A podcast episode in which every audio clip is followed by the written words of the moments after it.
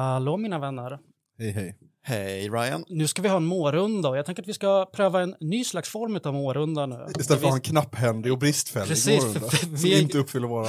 Nej, precis, vi har ju sp- eller? spelat in ett avsnitt med en kamrat i Malmö från Krakel. Och eh, där vi pratar lite om psykisk eh, psykiatri i eh, ett eh, senkapitalistiskt samhälle och så. Ja, och det är det ni kommer få lyssna på snart. Men jag mår... Eh, alltså, jag mår så där. Jag tycker det är jobbigt att, eh, att behöva gå upp tidigt. Och då menar jag inte bara på ett sätt som i att det, det alltså att, det, att jag är trött, utan det känns som ett, en slags form av övergrepp när jag måste gå upp tidigt. Att, att jag lever i en värld som tvingar mig till det. Och det gör att jag får väldigt starka ångestkänslor. Det är liksom tidiga morgnar har, varje gång jag liksom är uppe på en morgon så kopplar jag det väldigt starkt till när man tvingas upp och gå till skolan och så. Och det lever med mig fortfarande så här i 30 plus ålder. Alltså allt, allt man gör, allt, alla inbokade aktiviteter som är innan 10.00 är ju på något sätt arbete. Oavsett hur, kul- om det är så att man ska träffas och spela paintball tillsammans. Så om det är så att man ska träffas på parkeringen 9.30 Arbete, så är det arbete. Man Jajamensan. borde få lön. 100 procent ja. Jag ska säga, det var inte min mening att låta, att, att låta raljant i början där, utan eh, eh, för kamraten pratar om hur eh, otillfredsställande många sådana här morrundor ofta är. Att man bara kväker ur sig tre ord om hur mycket man hatar att gå till jobbet, eller att man precis ätit ett wienerbröd. ja. Eller att man har varit på gymmet och lyft och, och så. Ja, och, och, vi, och, och det resonerade väldigt starkt med oss alla tre. Vi insåg bara, ja, exakt så är det. Oftast när vi spelar in också. Ehm, men men jag, alltså nu, ska, nu tar jag verkligen satsar och försöker säga någonting verkligt om, om mitt mående. Eh, jag, jag, mår, jag mår ganska bra. Eh, jag känner att jag har lite, lite flyt i livet. Och, och jag, till skillnad från dig, eh, har, har kommit in i en fas när jag är ganska morgonpigg. Ehm, och, och behöver inte känna en sån psykotisk ilska varje gång eh, väckarklockan ringer. Utan jag kan till och med vakna lite före och, och sträcka på mig och känna, ah, nice, nu tar jag mig an den här dagen. Liksom. Men nu ska jag göra mig skyldig till att patologisera då. Men om det är någonting som kan göra mig arg på er med ADHD så är det att ni vaknar tidigt. Och och det är ju en grov generalisering såklart. Men att vakna bara av sin damp klockan sex. ja, man, man kan inte ligga still längre. Nej. Det, Det gör mig rasande. För jag har alltid och har fortfarande fruktansvärt svårt att kliva upp. Och det spelar egentligen ingen roll vilken tid. Du, eh, du delar det här med eh, åtminstone en av våra lyssnare. Så. ja, precis. Hur mår du då, kära Andreas? Nej, men jag mår som en prins faktiskt. Jag tog en, det är lördag idag, lördag morgon. Jag tog en otro, ohyggligt tidig AV igår, gränsade till lunchfylla. Det var också strax efter lön, så att jag gick liksom 14.30 var jag redan ganska berusad Ja. och på väg till ICA Fokus för att storhandla och det kändes så oerhört förbjudet. Ja, men Det är motstånd i den sociala fabriken. Att vara, att vara full tidigt. Ja. Och jag tittade liksom, jag kände mig främmande och road av Svenssonhandlarna. Ha! Nu slutar de jobba, nu är de här och handlar tacos. Medan jag är full och håller i en otroligt dyr, omotiverat dyr chilisås som jag ska hem och smaka. Det är de små upproren i Ja. vardagen Ja. som man får, man får hålla sig till. Ja, så är det. Eh, hörni, vi ska ju ringa till eh, Annika som är aktiv i Krakel. Precis, jag har redan avslöjat att vi redan har pratat med henne. Ja, alltså vi har ju, nu, nu försökte du göra en fuling här och jag och Ryan, vi bombade ju det tidigt. Alltså. Ni ljuger inte för våra lyssnare. Nej, det gör vi Nej, inte. så, så vi har precis ringt eh, Annika och haft ett jättebra samtal. Ja, kul att det blev av. Vi har ju varit lite nyfikna på projektet Krakel ett tag, så det var superkul att få till och jag hoppas att det blir mer. Mm, verkligen. Och kan inte rekommendera nog att lyssna på deras podd. Eh, jätte, jätteintressant. Vår motsats konstaterade du. Ja, vår motsats, absolut. Tydlig röd tråd, otroligt pålästa, Ja, exakt. Ganska smarta. trevliga mot varandra också. Istället för att konstant utsätta varandra för tjuvnyp och otäcka tilltag. Jag har ju till exempel eh, vid flera tillfällen ställt en, eh, en spann fylld med vatten och balanserat den ovanpå dörren in till studion. För att liksom försåtsminera för Ryan. Yes, och ehm, nej men, som sagt, vi eh, lyssnar på Krakel. Eh, här kommer avsnittet. Vi älskar er alla för att eh, ni står ut med oss. Det gör vi. Rulla bandet! Kaminter.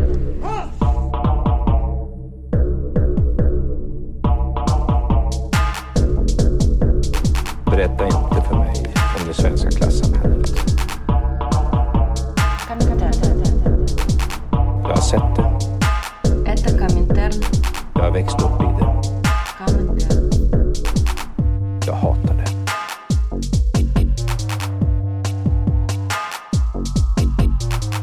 Это Коминтерн.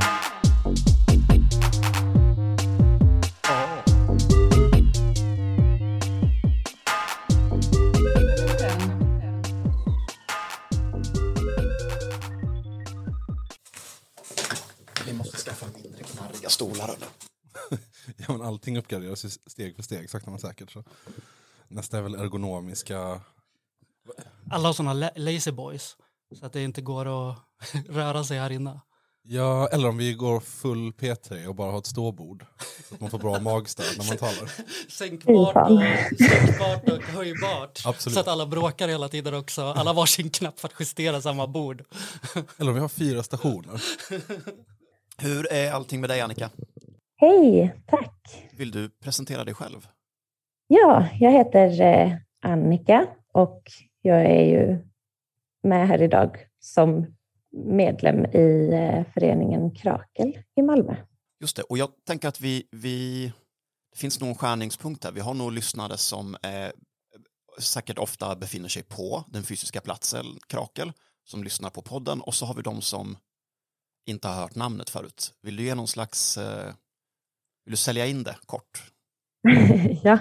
Eh, ja, Krakel är en Malmöbaserad förening. Eh, vi har liksom en lokal i Malmö och mycket verksamhet som sker på plats och så, men vi har också en hel del medlemmar i andra städer. Eh, och ja, vad ska man säga? Jag brukar, när jag ska beskriva krakel så brukar jag berätta vad ordet krakel betyder. Det är liksom ett gammelsvenskt ord som betyder typ ett upplivat bråk.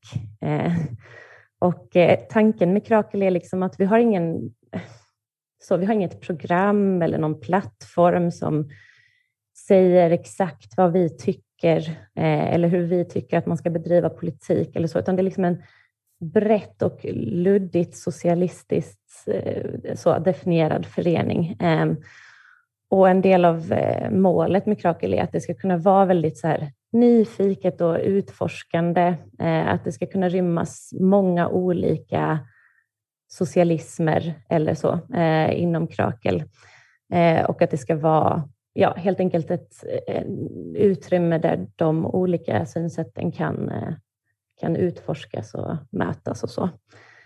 Ehm, och vi har en, en av våra liksom, principer är att det vi gör ska vara väldigt lustdrivet. Eh, och det kommer väl från att eh, alltså mycket vänsteraktivism är ju pliktdrivet. Så. Ehm, och att eh, ja, vi tycker att det behövs också liksom lustdriven aktivism. Så, så att, men det gör också att det som vi gör kan variera väldigt mycket och är egentligen bara det våra medlemmar råkar ha lust med. så att, Eh, men hittills så har det väl varit ganska fokuserat kring eh, radikal folkbildning. Så att vi har eh, många studiecirklar som utgår ifrån idén då att det är viktigt för människor att samlas och tillsammans söka svar på hur samhället fungerar och hur man kan förändra det. Och vi försöker göra det liksom utanför kapitalistiska och destruktiva logiker som typ fokuserar på prestation och konkurrens och, och så. Eh, och vi försöker också se det som ett, eh, ja, men ett så samskapat lärande eh, som involverar oss som hela människor. Eh, alltså typ att mycket utbildning i det här samhället eh, ser ju typ lärande som en helt kognitiv funktion och det tror inte vi är sant, utan vi tror att det är också en väldigt emotionell process till exempel och relationell och så. Um, ja, men förutom de här, ja förlåt. Kroppslig kanske också? Alltså man lär Kroppslig, sig för att man förflyttar sig till en plats och eh, sitter på ett visst sätt och eh, är bland andra kroppar och så vidare. Exakt, ja, definitivt. Ehm, och vi har ju både cirklar på distans, liksom så här på Zoom, och sen så har vi dem också Eh, på plats. Och det, ja, det är intressant att du säger det med kroppsligt, för det är väldigt olika upplevelser att göra radikal folkbildning på länk och att göra det i ett rum med andra kroppar. Ehm, ja, förutom studiecirklar så har vi också podden som sagt och så ehm, brukar vi anordna det vi kallar för krakelkvällar som brukar vara typ ett eh, kulturellt evenemang av något slag eh, följt av ett samtal på något tema eh, följt av eh, eh politisk salong som vi kallar det som är typ att eh, man kanske dricker några öl och snackar med varandra. Ehm, ja, sen har det också funnits lite eh, cirklar i Krakel som fokuserar på liksom kreativt skapande. Eh, Det finns en grupp som jag tyvärr inte haft möjlighet att vara med i som eh, håller på med social klimatprepping, alltså idén om att vi behöver stärka sociala band och gemenskaper för att liksom preppa för klimatkatastrofen. Ehm, det finns en spelcirkel. Eh, man kan väl säga att vi ser det lite som ett ändamål i sig, att skapa utrymmen för eh, gemenskap och kreativitet som, är, som inte är liksom kommodifierade eller präglade av prestation och konkurrens. Ja, som ni hör hade jag kunnat prata om det här hur länge som helst, men det kanske räcker så. Jätteintressant. Det lät ju, social prepping lät ju också väldigt, väldigt kul eftersom ett utav, det känns som ett av de nya middagsämnena eh, när man träffar eh, någon respektives vänner eller vad det nu kan vara, kan vara så här, ja men nu har ju jag börjat ha batterier i källaren och, och förvara vatten och så tänker man, mm, det, det kommer räcka en vecka typ. Det hade varit mycket bättre om man var så, mm, eh, nu har jag börjat eh, skaffa fler vänner Ja, men och precis, fördjupa mina exakt. vä- kompisband och vara lite mer emotionellt tillgänglig här inför. Ja. Ja, jag känner mina grannar nu. Det Ja, hade precis. kanske varit en bättre strategi. Och Mm. eh, idag så eh, ska vi prata lite, tanken är eh, av en kombination helt enkelt av de studiecirklar ni haft och som sen har kommit upp som poddteman. Ehm, och vi har ju speciellt då lyssnat på eh, två av avsnitten eh, för att förbereda oss lite. Och det första avsnittet var det som släpptes i januari, eller vad det nu var, om psykoanalys och marxism. Ehm, och sen det här senaste, eller näst senaste är det väl, Rosa Luxemburg som, va, vad var det, eh, som eh, Mindfulness-guru. mindfulness-guru. Ja. Eh, Kan vi inte backa ett steg? Kan inte Annika få berätta om, om cirkeln, psyket i kapitalismen? ja, Kan ta absolut. det därifrån. Ja. Ja, just det. För jag märker att vi har förberett oss på lite olika grejer, men det, det blir bara rikare tror jag. För, eh, jag men eh, ja, vi hade en cirkel helt enkelt som hette Psyket och kapitalismen som löpte varannan tisdag under höst och vinter 2021. Eh, och det var, det var en väldigt speciell cirkel. Det var ganska många, kanske ett 20-tal deltagare på Zoom. Ehm, och eh, jag, det var faktiskt det första som jag gjorde i Krakel. Ehm, och det, det var inte jag då, som ni förstår, som tog initiativet till det. Ehm, men jag ska ändå försöka, jag, jag tänker mig att eh, cirkeln kom till eh, för att, som ett svar på liksom spänningen som många tror jag upplever i att liksom vi mår allt sämre eh, i det här samhället av i hög utsträckning sociala skäl. Men vi blir hela tiden matade med individualiserande och apolitiska förklaringsmodeller. Eh, och man kan väl säga att cirkeln liksom, ja, tar, tar avstamp i den, eh, den konflikten och, och att vi försökte både genom liksom att dela våra erfarenheter med varandra och läsa ett antal texter eh, politisera vårt mående och eh, ja, politisera psyket helt enkelt. Vi har gjort ett avsnitt om det här tidigare, om liknande tema med ganska så här i efterhand så här, ganska pessimistisk och cynisk syn på psykologi. Jag undrar vad, eh, vad ni upptäckte, för det finns ju en spänning mellan individ och det strukturella eh, helt enkelt. Och någonstans där så finns psykologin, alltså det, det som får oss att må saker. Är det väldigt ofta i vårt samhälle så talas det ju om att det är eh, in, inre kvaliteter som får oss att må på ett visst sätt snarare än de strukturella kvaliteterna. Och så. Jag, jag undrar lite vad ni upptäckte kring de här spänningarna och eh, kanske ifall det finns något sätt som att harmonisera det helt enkelt, det individuella och det, det strukturella. Ja, gud vilken bra fråga. jag, jag lyssnade om på det. Jag tyckte det var så roligt när ni släppte det avsnittet, för det var en så bisarr upplevelse att vara med i den här cirkeln och så släppte ni det avsnittet och så släppte Clarté det här temanumret och jag bara, oj, det är som att vi alla helt samtidigt slogs av samma tanke. Liksom. Eh, och jag lyssnade på det avsnittet med stor behållning då och eh, tycker, tyckte det var väldigt intressant att lyssna om på det idag. Eh, och man kan väl säga så här, i cirkeln så har vi lite, vi var ju många olika personer och vi hade lite olika syn på eh, psykologikultur eller så, psykiatri, diskurs. Eh, jag personligen är nog, lutar nog också åt det ganska negativa hållet, men inte bara. Alltså man kan väl säga, dels så vet jag att vi liksom ringade in någon gång att en central grej när man pratar om det här är att det som kan vara, och det är ju ni också inne på i det avsnittet, att det som kan vara lösningen och räddningen för individen är samtidigt ett strukturellt problem. Till exempel att, eh, alltså att människor blir sjuka av vårt samhällssystem eller att människors, man kan också uttrycka det som att människors reaktioner på orimliga livsvillkor och krav blir patologiserade och medicinerade istället för att man ändrar den samhällsstrukturen som kanske är roten till problemet. Eh, samtidigt som medicinering och även liksom KBT eh, kan ju vara räddningen för individen. Liksom.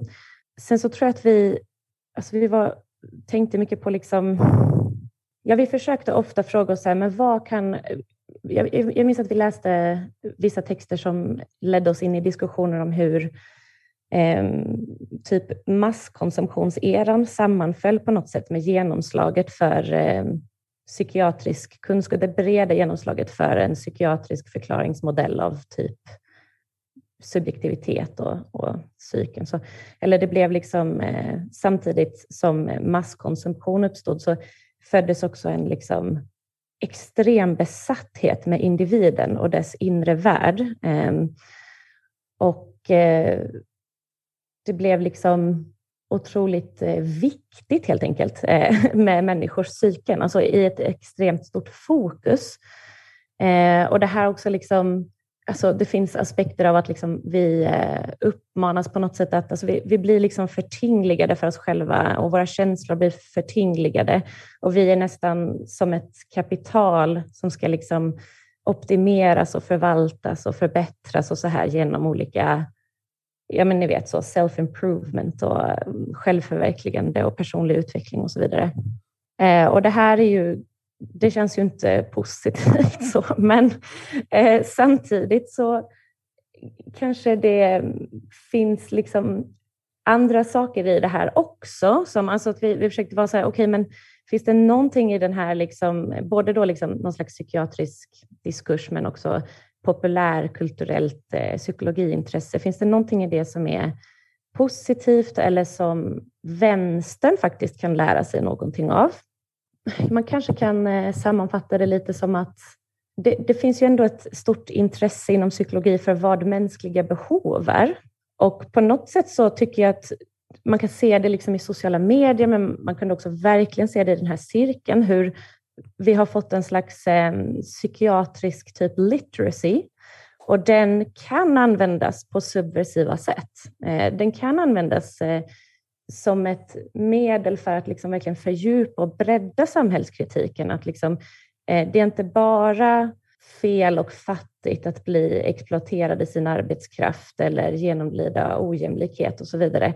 Det är också liksom en episk kränkning av livet det här och en utarmning av allting som är viktigt för oss, det vill säga våra band till varandra och vår omvärld och så vidare. Jag tänkte på, du, du är väldigt inne på någonting som jag tänkte mycket på när jag lyssnade på, på, alltså på er podd angående ja, men det psykoanalys, marxism-avsnittet. Det handlade ju om mer än det, men för enkelhetens skull, för jag kommer inte ihåg titeln. Det som var tillsammans med Clarté, va? Precis, eh, Clarté-avsnittet. Um, alltså att um, det, det, finns, precis som, du, precis som du är inne på nu och ni var inne på då, alltså det finns någon slags, eh, det finns någon slags sprängkraft i ett samhälle där, som, tar sin, som tar varje individs mående och inre värld på så stort allvar. Liksom. Och nu kommer inte jag ihåg om det här är min egen idé eller om ni faktiskt sa det, eller min egen tanke eller om ni faktiskt sa det i podden. Det är möjligt att, att jag bara snott det här rakt av. Men jag tänker, jag, vad som slår mig är så här, på samma sätt som väldigt mycket av ja, men så, 70-talets eh, feminism har eh, liksom stulits av kapitalet och används av kapitalet i form av eh, ja, men consciousness racing tror jag är någonting som specifikt lyfts i podden och så här och nu är ett väldigt uttvättat eh, eh deppigt begrepp i wellnessindustrin. Borde man inte kunna göra samma judogrepp mot kapitalet och, var, och, var, och använda KBT och sen så KBT sig till revolution på något sätt? Det, det, det låter som ett, som ett, eh, som ett skämt, men det är, jag säger det inte, jag säger det med, med ett underliggande allvar. Alltså att det kanske finns, Mm. vi kanske kan, jag vet inte, jag kommer ihåg, jag läste ett citat någon gång, eh, någon, någon eh, autonom marxist som sa att man måste plundra sociologins eh, verktygslåda för att hitta hammaren för att slå sönder kapitalet. På samma sätt kanske vi kan plundra eh, kapitalets eh, liksom psykologiverktygslåda för att hitta vad vi behöver. Ja, men jag, jag tror faktiskt det. Så jag, vet inte, jag vet inte om KBT just, jag, men det är för att jag har en sån extrem hater. Alltså, jag verkligen... Du är i Eh, gott men- sällskap. Däremot, vad sa du? Du är i gott sällskap. Ja, ja. men alltså jag, jag håller med om, jag tycker ändå att det var, alltså det är mycket det jag har tagit med mig från cirkeln också, att så här, eh, ja men just det där med att, att varje individ spelar roll. Alltså det vi vill ha är väl inte en kollektivism eh, som eh, tycker att individen är meningslös. Alltså tvärtom är väl, jag tycker att socialismen är liksom det ultimata hedrandet av att existensen spelar roll och alla spelar roll. Eh, och vi, alltså det, det, det tänker jag också är, det är, en, det är en röd tråd i typ allting som Krakel intresserar sig för och gör, men det var också en stor del av lärdomarna från den här cirkeln, att liksom, eh, det finns en centrering av typ omsorg och, och reproduktion i vissa liksom, marxistfeministers teoretiska gärning som är jag tror den, den, eh, den liksom feministiska interventionen i, i marxism och socialism ska man nog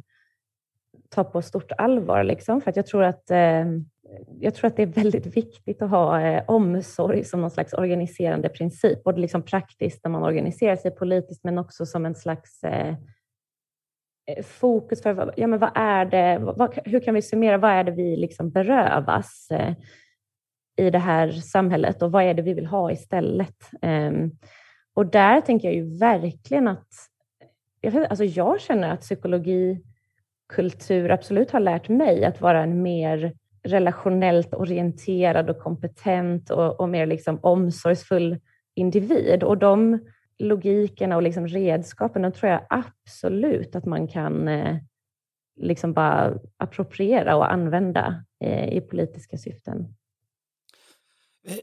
I den här cirkeln så hade ni ju läst eh, en del eh, ganska, eller ni nämner specifikt en österrikisk eh, marxist och eh, psykolog, freudian. Eh, jag, jag är lite nyfiken på om du skulle kunna berätta för våra lyssnare också vad ni hittade i de här eh, tidiga relationen, den här tidiga relationen mellan marxism och eh, psykoanalys till exempel. Och, ja, tyvärr så kan inte jag svara på det, för det, var, det är Klara från Clarté som hade läst det. Ja, ursäkta. I vår cirkel har vi inte gjort det, så att eh, min, eh, min kunskap om det är, är bara precis det du också har fått höra av Klara i den podden. Vad, vad, vad ni inte tar upp i er podd är ju att efter att Wilhelm Reich skrev eh, några sådana riktigt goa eh, marxistiska dängor, alltså klassiker, typ eh, så masspsykologi och fascism eller vad det nu är, eller något sånt där, eh, som verkligen är sådana seminal texts. Så på gamla dagar blev han ju skvatt galen och fick för sig att man kunde samla orgonenergi, det vill säga energi från orgasmer, och sen så använda den energin för att kontrollera vädret.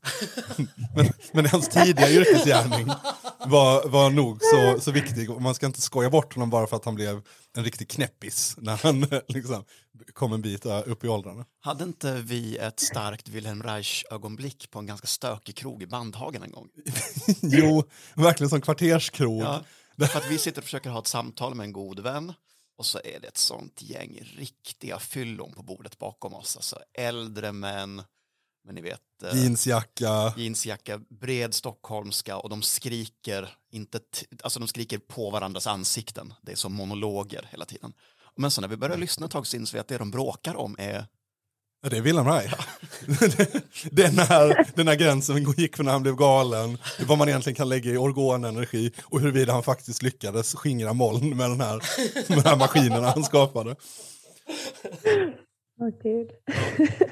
En, en text som jag, som jag såg att ni läste i cirkeln, som jag inte har kommit till skott och läst men är väldigt nyfiken på, är Mark Fishers Privatization of Stress. Skulle du vilja säga någonting om den? Ja, det gör jag gärna. Ehm, nu har vi liksom varit inne mycket på det som eh, Fisher säger i den texten. Eh, han, ja, ja, egentligen har vi berört liksom kärnan i den texten skulle jag säga. Alltså, han menar ju på att mm, i liksom en senkapitalistisk era av eh, intensifierad utsugning, ökad prekaritet, eh,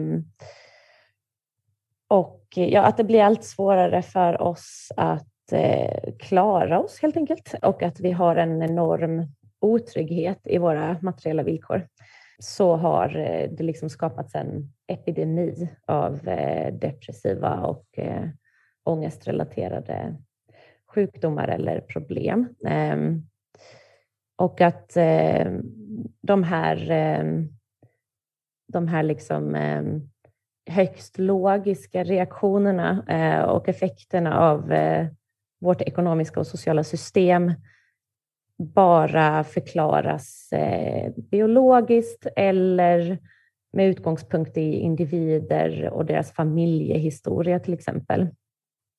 Och han är ju alltså han är otroligt kritisk mot eh, psykiatrin, mot eh, den biomedicinska förklaringsmodellen överhuvudtaget för psykisk eh, sjukdom. Jag kommer ihåg att jag tänkte när jag läste den att jag, det var den första texten som vi läste i cirkeln. Jag kommer ihåg att jag reagerade på att ja, okej okay, Fisher, liksom, det här känns ju helt sant när vi pratar om utmattningsproblematik, eh, i hög utsträckning depression, i hög utsträckning ångestproblematik. Men psykisk sjukdom är ju mycket bredare än så. Eh, och eh, det, ja, det, det, var också, vi läste också en text av Eva Illouz där jag tyckte det fanns samma problem, att man bara inte, hon är också inne på neuropsykiatriska funktionshinder en del, men eh, och jag, jag, tycker väl att det är liksom de problematikerna som har det mest direkta sambandet med vårt ekonomiska och sociala system. Men jag är glad också att under cirkeln, både genom liksom våra gemensamma diskussioner och, och också delvis de andra texterna vi läste, så blev det tydligare för mig hur det finns en mycket mer djupgående koppling mellan allmänt liksom mellan hur vi är psykiskt konstituerade men också mellan eh, alla typer av psykiska sjukdomar och, och liksom sociala villkor. Så, för jag tänker att det kanske ändå är inte, men hyfsat vanligt att man, att man pratar om att vi har en sjuk stress till exempel i arbetslivet och speciellt i Sverige där utmattningssyndrom liksom är en diagnos man kan få och bli sjukskriven för. Och även så finns det ju liksom, det finns ju ändå någon slags kritik av eh, patologiseringen av olika sätt att fungera eh, neuropsykiatriskt och så. Alltså, eh, men det finns kanske inte ehm, en lika tydlig kritik av eh, sambandet mellan Eh, alltså alla former av psykisk sjukdom och också alla former av eh, psykiskt lidande, även det som inte är patologiseras liksom, och eh, vårt samhällssystem. Nej, för att det slår mig som att man skulle kunna tänka på det nästan som, det här är ju extremt grovhugget naturligtvis, men jag tänker nästan lite på det som att det finns de här liksom fyra kategorierna nästan. Du har eh, eh liksom de eh, folk, vad ska man säga, folksjukdomarna som är så här utmattning, depression, den sortens vad heter det, eh, men ångest, eh, ångest och så vidare. Och där är ju, och där är ju ett, ett sån Mark Fishers eh, kritik väldigt eh, väl funnen. Liksom. Eh, men sen så finns det lite andra grejer också. Dels finns det den neuropsykiatriska grejen, eh, eller eh, eh arenan. Och då handlar det ju väldigt mycket om att där är det så himla uppenbart att det är ju bara samhället det är fel på. Liksom. Det är ju samhället som inte kan ackommodera att vissa människor inte kan sitta still i skolan eller eh, är glömska eller jag vet inte, inte vill blanda sin mat på tallriken, vad det nu kan vara. Liksom. Och, ehm, och, och, och, och den, de beteendena kommer sig ju till skillnad från folksjukdomarna då, som depression, de kommer ju inifrån dem och de ska ju ackommoderas, inte lösas. Liksom. Eh, och sen så har man, eh, liksom lite åt andra hållet så har man, ja, men jag tänker på sådana saker som typ kanske schizofreni, eller eh, sådär. Jag menar, det är klart att folk kommer lida av schizofreni även i ett postrevolutionärt kommunistiskt samhälle.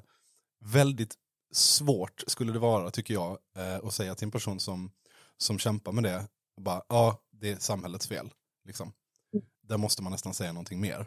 Och sen så eh, kanske liksom, fjärde kategorin då är sådana saker som, som överhuvudtaget inte låter sig patologiseras utan bara är så här, det här är, du mår bara skit just idag eller den här veckan eller den här månaden på grund av kapitalismen. Liksom. Det har både varit biljettkontroll och övertid och CSN-betalkrav och du vet så här. Eh, Mm. Ja, det är väldigt klumpigt att tala om fyra kategorier. Man vill hellre tala om tre, det är mer slagfärdigt. Men jag vet inte hur jag ska kunna koka ihop det bättre. Men jag tänkte på en aspekt av det Fisher, som är, man kanske ändå ska betona att eh, Fishers poäng i den här texten är att eh, det, det här blir ju, ja, den heter ju privatiseringen av stress eh, och han menar ju att liksom individen eh, inte bara blir grund för förklaringen utan också åläggs ansvaret för strukturella problem. Då, att liksom, eh, och det tänker jag ändå skulle kunna alltså kopplas på något sätt till det eh, som du sa nu med liksom de här olika... För jag- jag håller med om att det går ju inte att förklara psykossjukdomar eh, rakt av med liksom, eh, sociala förklaringsmodeller. Eh, jag tänker att alltså, jag tror ju att eh, det finns liksom en ökad prevalens av sådana sjukdomar när man har ett samhälle som är väldigt hårt. Eh, för att det är ju en sår, jag tänker att det är en medfödd sårbarhet som helt enkelt kan, kan utlösas av eh, extern stress. Eh, men jag tänker också typ att det leder mig lite till en annan kritik av psykiatrin som man kanske inte hör så jätteofta i vänstern, men som ändå, det finns ju ändå liksom en psykiatrikritisk eh, strömning. Och det är väl att, jag, jag tänker att psykiatrin väldigt mycket handlar om att ringa in eh, det som är sjukt och onormalt och korrigera det eller bota det. Eh, och det, det tycker jag verkligen är ett problem. Liksom. Alltså, eh, för att det, det finns en eh, dehumanisering och respektlöshet i det. Att eh, kanske liksom en socialistisk eh, psykiatrisk vård handlar inte om att berätta för människor att ditt sätt att uppfatta verkligheten är fel. Det vet vi. Du är bara helt eh, delusional liksom, och det, det är inte bra. Det måste korrigeras. Eh, det kanske snarare skulle kunna vara det här tillståndet som du befinner dig i, vad det än må vara, är liksom destruktivt för dig. Eh, och eh, du mår inte bra helt enkelt av att eh, befinna dig i det här tillståndet. Eh, och vi har olika institutioner eller metoder för att lindra lidande. Det är liksom en helt annan logik än den som råder nu inom psykiatrin. Och det, det tänker jag hör ihop med ett ekonomiskt system som är väldigt intimt förknippat med typ en eh, mekanisering och rationalisering av världen, där allting är liksom eh, ja, men så, binära motsatspar och väldigt svartvitt. Och eh, där det som är typ sjukdom, femininitet, eh, natur.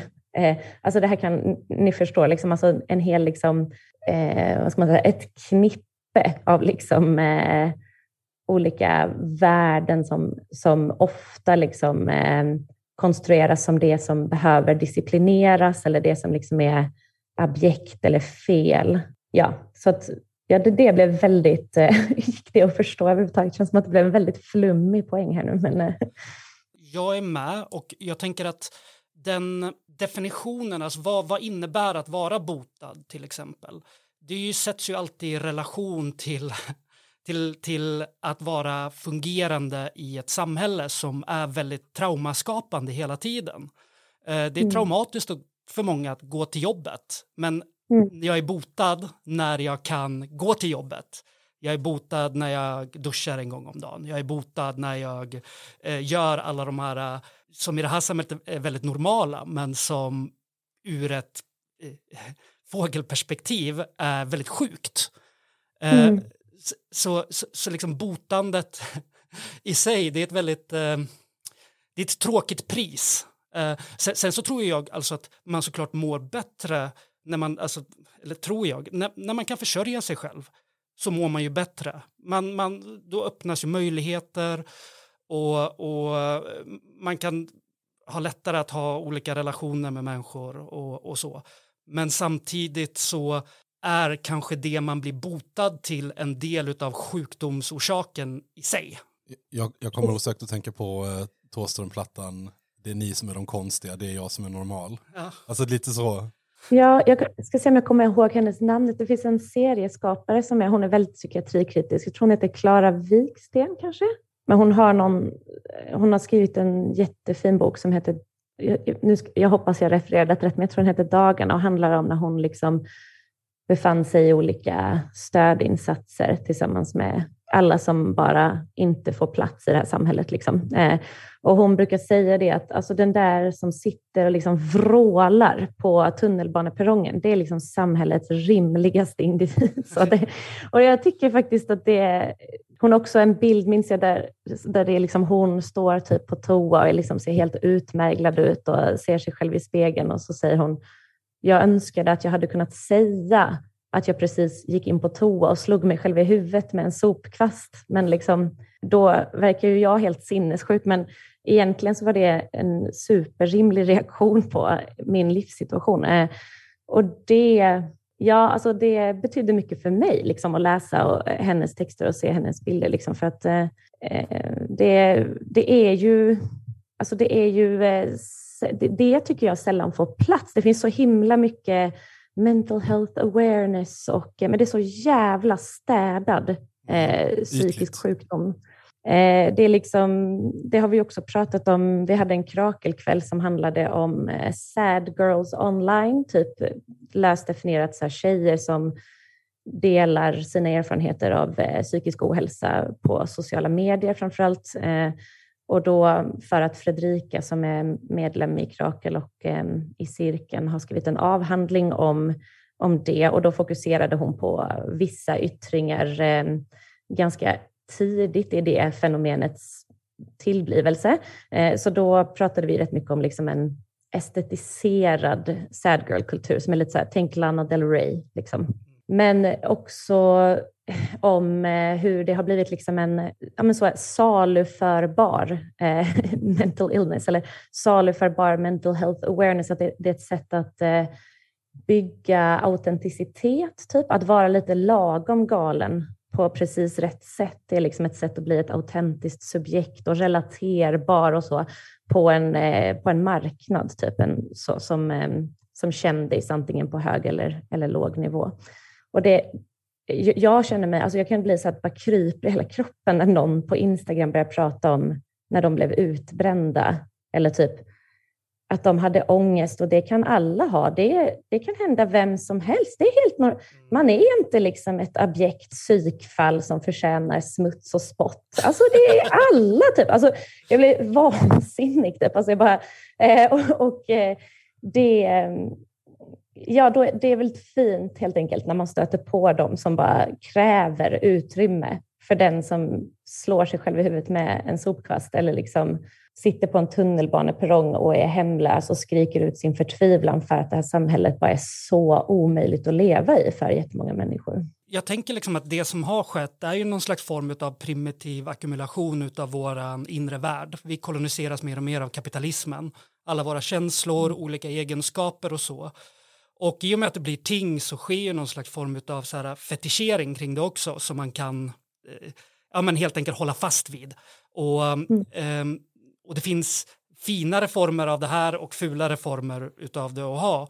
Och väldigt ofta får man kolla på till exempel amerikansk diskurs kring eh, olika neuropsykiatriska funktionsvariationer och så, så är folk väldigt besatta av att beskriva de här olika egenskaperna av det och sen beskriva hur det är unikt för en själv liksom och det som gör en speciell och det som gör en stark och um, kollar man på till exempel som vi också pratade lite om i vår podd om Cissi Wallin ADHD så finns det liksom redan där så när man börjar beskriva det här som saker så framträder det som det finns bra saker, det finns dåliga saker. Och de dåliga ADHD är den som gör att man helt enkelt inte klarar av att plugga till exempel medan den bra är där man kan eh, eh, tämja den här eh, urkraften, urkraften av eh, pure ADHD-energi liksom från... Bygga en jävla massa Ikea-hyllor precis när man har flyttat in i en ny lägenhet. ja, ja. Jag tänker liksom att det är i, i, om man ska kolla på hur i och med att det här förtingligandet sker så framträder också alltså de olika psykologiska processer, ifall det är psykisk alltså ångest eller neuropsykiatriska funktionsvariationer, förlorar helt plötsligt sin relation till världen.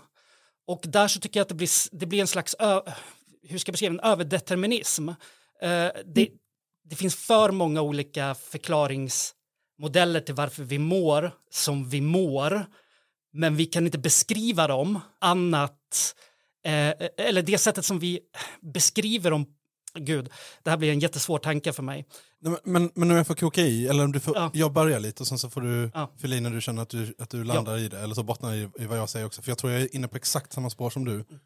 För att jag tänker på en sak som känns så himla hemsk är att många människor man stöter på tycker jag försöker förstå sig själva och sitt liksom själsliga djup genom sin, sin diagnos, eller sin antagna, eller misstänkta, eller påtvingade diagnos. Mm. Ja, men jag tror, alltså jag, jag, är ändå, jag är ändå ADHD tror jag. Alltså så här, jag tycker man hör fler och fler människor säga det, så här, jag, tror, jag tror att jag har ADHD. Och sen så är det liksom, blir det linsen som de försöker förstå hela sin person och sin själ genom. Och det är så himla förföriskt, därför att massa människor känner ju igen sig i massa olika så här eh, Eh, eh, ehm, diagnospunkter. Liksom, alltså som är så, ah, de här tio punkterna så har du den här diagnosen. Mm. Typ, och massa människor bara, ah, men jag känner igen det där och det där och det där och det där. Mm. Men problemet är att å, å, ena sidan så kan de här diagnospunkterna vara så generella och allmänna att vem fan som helst kan känna Vem känner sig inte rastlös ibland? Det, bara för att ta något. Å andra sidan så finns det folk som kanske, ja men du, kanske man har en eh, så, eh, vad heter det, eh, neuropsykiatrisk eh, funktionsvariation, whatever, liksom, hur användbart det begreppet nu än är. Men, men det är också så, det blir en otroligt snäv, eh, liksom, eh, ett otroligt litet nyckelhål att försöka se sin, sin själ igenom. Ja. Och det blir om man förminskar sig själv, eller, och tvingas förminska sig själv. Liksom. Eh, och det tycker jag kan vara väldigt, eh, nu talar jag bara som att jag liksom bara observerar andra göra det här. Jag gör ju också det här, liksom. jag kommer också på mig själv med att göra det här. Eh, och det blir, eh, det blir bara som en så lite sämre form av, av astrologi. Liksom. Det här, mm. det här tyckte jag var en jätteintressant eh, poäng som gjordes i ert avsnitt med Clarté också. Alltså eh, typ motsatsen, att man gud förbjude inte får en diagnos. Mm. Alltså då är ens mm. lidande helt, eh, ja, men det är inte berättigat på något sätt. Det är bara mig det är fel på, jag har inte ens ADHD. Nej, precis. Jag tycker bara att det är tråkigt att sitta på mötena på jobbet. Liksom. Precis. Det är både liksom att man blir förnekad allt begripliggörande, all legitimitet, men också all vård, all anpassning, allt stöd som, jag menar det lilla stöd som finns att få, så att säga. Man måste ju också underkasta sig de här definitionerna för att få hjälp eller anpassning. Liksom.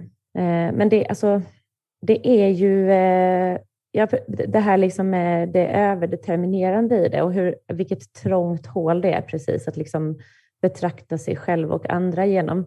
Det tänker jag också, jag tänker att man hade kunnat i någon slags eh, ansats att eh, politisera vårt mående också försöka utmana hela den här jag, jag, tänker att det kommer ifrån att vi har en väldigt eh, stark tilltro i det här samhället till, eh, vad ska man säga, eh, ja, medicinsk forskning till exempel, eller överlag liksom, eh, den typen av kunskapsproduktion som ju är kanske inte alltid så jättebra på att liksom fånga så, eh, det som är otroligt eh, komplext eller det som kanske inte ens går riktigt att eh, ringa in och förklara. Jag tänker att så här, människors psykiska eh, existens liksom är, känns ju som ett fenomen som det är vanskligt att verkligen försöka liksom totalt eh, definiera. Eh, och om man hade kunnat, jag tror jag sa det i det avsnittet med Clarté också, att ja, men om man hade kunnat se på, alltså dels ha en väldigt stark kritik naturligtvis av att eh, den här patologiseringsgrejen som jag har pratat om redan, alltså att, att psykiatrin har en blick som försöker identifiera det abnormala och sjuka och bota det snarare än att lindra lidande och öka välmående. Eh, och naturligtvis också så är det en väldigt liksom alltså DSM är ju typ bara på vissa sätt ett beställningsjobb från liksom läkemedelsföretag. Det är, det är liksom... Vill du förklara det? Det är lite konspiratoriskt, men alltså det, Va, det är- finns ändå så här... Ja, DSM är den här eh, diagnosbibeln för psykiatriska eh, sjukdomar och funktionshinder. Så att eh, det, och det är liksom, eh, gud jag är inte så insatt i det, men det finns ändå liksom en hel del människor som kritiserar hur den görs och att det finns liksom marknadsintressen som är involverade i det, som helt enkelt vill att vi alla ska vara väldigt medicinerade för att de bara tjänar pengar på det. Plus Ja. att det är...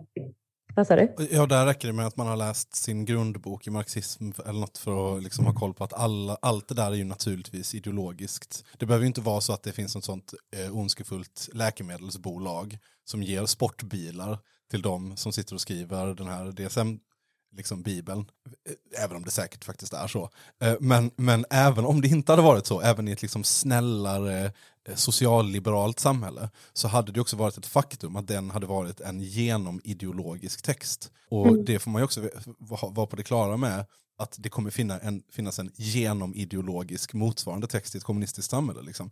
Det, det finns liksom inte en, en objektiv eh, eh, liksom gudsposition eh, att ta här på något sätt som liksom medicinskt kan förklara det mänskliga psyket, utan det är eh, av nödvändighet en, en subjektiv eh, liksom, eh, ja, alltså vetenskap på något sätt. Ja, men exakt. Och om man förhåller sig till det så, så går det ju också att eh, välja och vraka lite mer. Eller så man kan också liksom, om man bara ser det för vad det är, så minskar ju den eh, disciplinära och destruktiva kraften eh, och liksom möjligheten att typ appropriera olika delar av det här som verktyg ökar ju. Liksom. Ehm, men det var Ja, precis. Alltså det var också, vi, vi läste ehm, en text av ehm, Silvia Federici som är en italiensk-amerikansk marxist-feminist. Och det var två texter av henne, en som handlade om vardagslivets kris, eller så, omsorgens kris i senkapitalismen och den andra eh, handlar, heter, tror jag, eh, åter, alltså reenchanting the world. Alltså det är en uppmaning till oss som socialister att återförtrolla världen och det handlar ganska mycket om att se att till exempel den medicinska gudablicken som du nämnde nu, liksom, är också typ en, används som en kapitalistisk teknologi. Liksom. Och när vi, alltså att vi måste eh, försöka ta oss ur de liksom, kulturella logikerna för att överhuvudtaget kunna föreställa oss någonting annat eller göra effektiva motstånd. Liksom. Att, eh, vi kan inte låta oss ha den här eh, förtingligande rationalistiska blicken på oss själva och varandra och världen. Liksom. Speciellt när det kommer liksom till medvetandet i sig att göra. Att det är, det, är, det är svårt att beskriva. Psykologiskt kan man beskriva liksom olika yttranden av det och filosofiskt kan man knappt beskriva vad det, vad det består av eh, eller vad, vad det är som händer. Men det, det, rent ideologiskt är det intressant att se hur, hur, man skulle kunna förklara det, eller hur kapitalismen försöker förklara det, till exempel med så här olika, vad, kallar de för, så här, computational mind, våra, dat våra huvuden är bara datorer som testar olika former av så här, mentalt språk och producerar rätt värde. Uh, och, det, alltså det är sån, det är sån dyster syn på människan uh, som finns. Den är väldigt nihilistisk. Verkligen. Någon slags motsats till det förtrollade. Du hade någon fråga om eh, Federici, eller hur? Nej, men jag tänkte, alltså, jag har ju skrivit, vi har ju chattat lite inför det här avsnittet, Annika. Jag skrev ju till dig att jag är, är dummast i podden. Så jag tycker det är så skönt när andra har läst Federici till exempel, för att jag kan inte, det är för svårt för mig. Men jag tänkte istället för att fråga nu Federici, tänkte jag fråga dig vilken text som du tyckte var bäst, eller vad fick du ut mest av under cirkelns gång? Lite taskig fråga så här ett år senare kanske, men, men sån är jag. Ja, nej, men jag har ju ändå återbekantat mig lite inför det här avsnittet. Men alltså det jag fick ut allra mest av var helt klart samtalen som, eh, som vi hade. Eh, och de tog ju inte alltid, de tar liksom avstamp i texterna, men ehm, de brukar få ett eget liv så att säga. så det, det, var inte en väldigt textbunden cirkel om vi säger så. Eh, och det var många som, vi har alltid som princip att man behöver absolut inte ha läst texten för att vara med, för att man kan alltid bidra ändå. Eh, och i den här cirkeln var ju det speciellt sant, eh, så för, att, för att det finns så, det berör ju verkligen våra levda liv. Eh, men jag tror faktiskt att det var Federici kanske som gjorde störst intryck på mig. Och jag tror att det handlade om, det var så många olika trådar i det hon skrev som eh, gjorde väldigt, som, som verkligen eh, förändrade typ mitt sätt att se på världen och på politisk organisering. Det är svårt att sammanfatta, men hon, eh, alltså hon menar ju hon pratar ju väldigt mycket om hur att skapa typ, ehm, ja egentligen allmänningar, liksom, men typ att, att, att tillsammans i liksom demokratiska och solidariska former kunna ta makten över vår reproduktion. Alltså att det är ett, eh, både ett politiskt ändamål i sig och grunden för varje kraftfull och varaktig utmaning av ehm, kapitalistisk exploatering. Det gjorde jättestort intryck på mig för att jag, jag, tror, jag tror att det stämmer. Jag kommer ihåg att jag också, jag läste för några år sedan en text av han heter Jasper Barnes, tror jag. Jag vet inte exakt vad han är för en, men han är helt klart marxist i alla fall. Eh, och han skrev en text som heter The Belly of the Revolution, som handlar om eh, att vi måste kunna producera vår egen mat. Eh, alltså någonting så konkret, men, men att eh, vår eh, politiska makt måste på något sätt också underbyggas eh, av makten att reproducera våra liv. Eh, och jag tror att det är eh, någonting som så eh, miljörörelsen och feminismen på något sätt har bidragit med under senare år till, till marxismen. Att det finns en större centrering av reproduktion och ett mindre entydigt fokus på lönarbetet som en kampplats. Jag börjar tänka på social prepping igen. Okay. Mm. det, apropå uh, apropå uh, det här. Att det är på något sätt samma mm. spänning där uh, mellan att, att när, vi, när vi är ensamma i våra prepping, prepping-tankar så blir vi också väldigt snabbt desperata i vad vi måste ha hemma för att kunna klara oss. Men när vi mm när vi går bortom det. Alltså att man måste kanske inte kunna producera sin mat eh, och så, men man måste kunna producera någon slags form av gemenskap där man tillsammans kan, kan skaffa mat. Eh, mm. Eller tillsammans kan ja, men skapa någonting helt enkelt. Precis. Eh, eh, jag bara, jag bara, det bara slog mig nu när, när, medan du pratade om, om, om dina reflektioner under studiecirkeln och sånt där. För att du var, jag, jag vet inte om du var med och liksom organiserade den studiecirkeln eller om du hade varit med och i senare studieprojekt som ni har haft i Krakel. Men eh, det slår mig som kanske lämpligt att fråga om du har, sitter på några tips eller idéer för hur man skulle kunna, om man vill göra, ingå i eller driva ett liknande projekt själv. Har du några liksom, eh, tankar eller idéer om hur man ska gå tillväga? Vad är, finns det några tips och tricks? Alltså ett liknande projekt som, eh, som liknar då radikal folkbildning i den här tappningen då, tänker du eller? Ja, precis. Ja. Mm. Mm. Ja.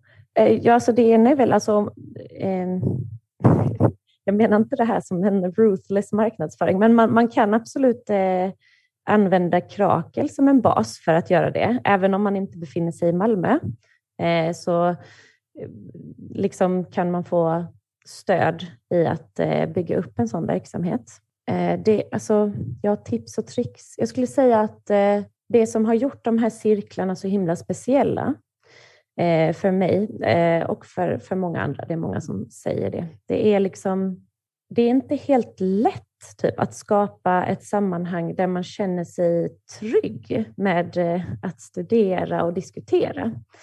Eh, och om man lyckas med det så, så lär man sig så otroligt mycket mer. Alltså både för att man är mer kapabel till inlärning när man känner sig trygg liksom, och inte känner sig dum eller som att man måste prestera eller jämför sig med andra hela tiden. Eller man kan både liksom lyssna och tänka och tala på ett helt annat sätt. Ehm, och det, det, det är liksom... Eh, det, det får, så jag, jag tänker att eh, sättet som man gör det på är helt enkelt att eh, ha en väldigt liksom mjuk och omsorgsfull kultur där, eh, ja, ja, rent konkret så brukar vi eh, alltid eh, inleda allting vi gör, alltså varje möte, varje studiecirkel, allting inleds med en eh, runda. Alltså, jag tänker att ni och kanske många som lyssnar kanske har varit med om sådana mårundor som inte riktigt uppnår det de, det de,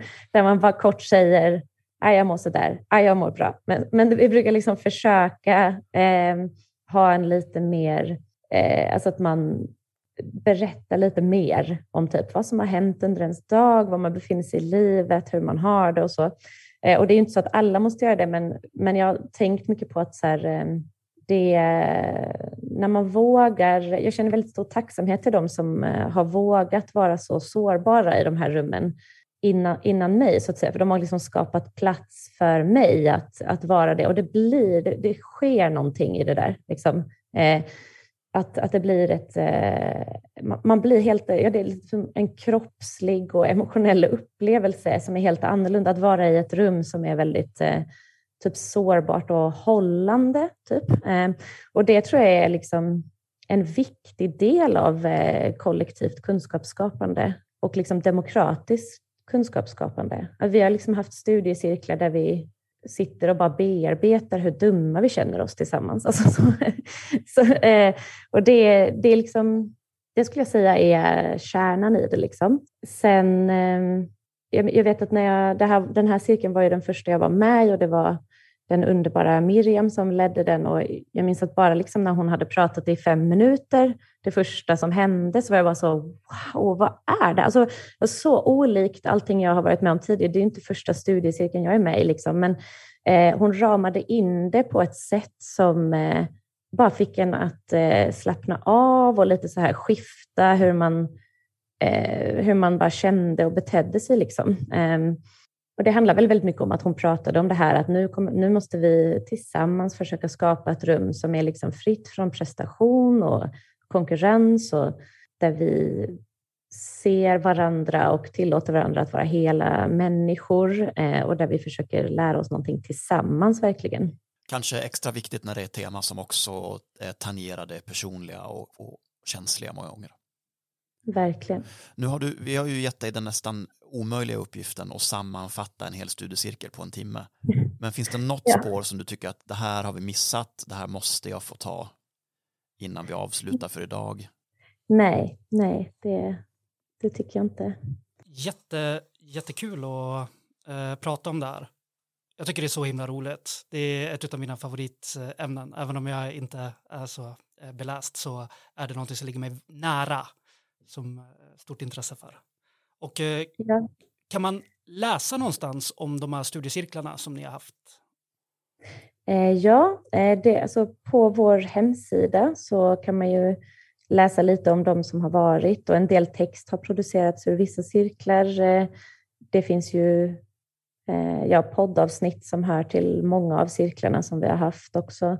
På vår Instagram brukar det komma upp också lite information om studiecirklar och så. Det finns ju flera som pågår nu och det har hållits ett ganska stort antal.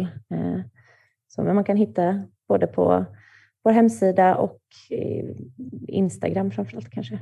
Men om man bor i Karlstad eller Uppsala, som jag bara helt fördomsfullt tänker mig inte har eh, krakelgrupper, Eh, då kanske man kan höra av sig till er på sociala medier och be om eh, lista på texter eller förslag på upplägg eller sådär.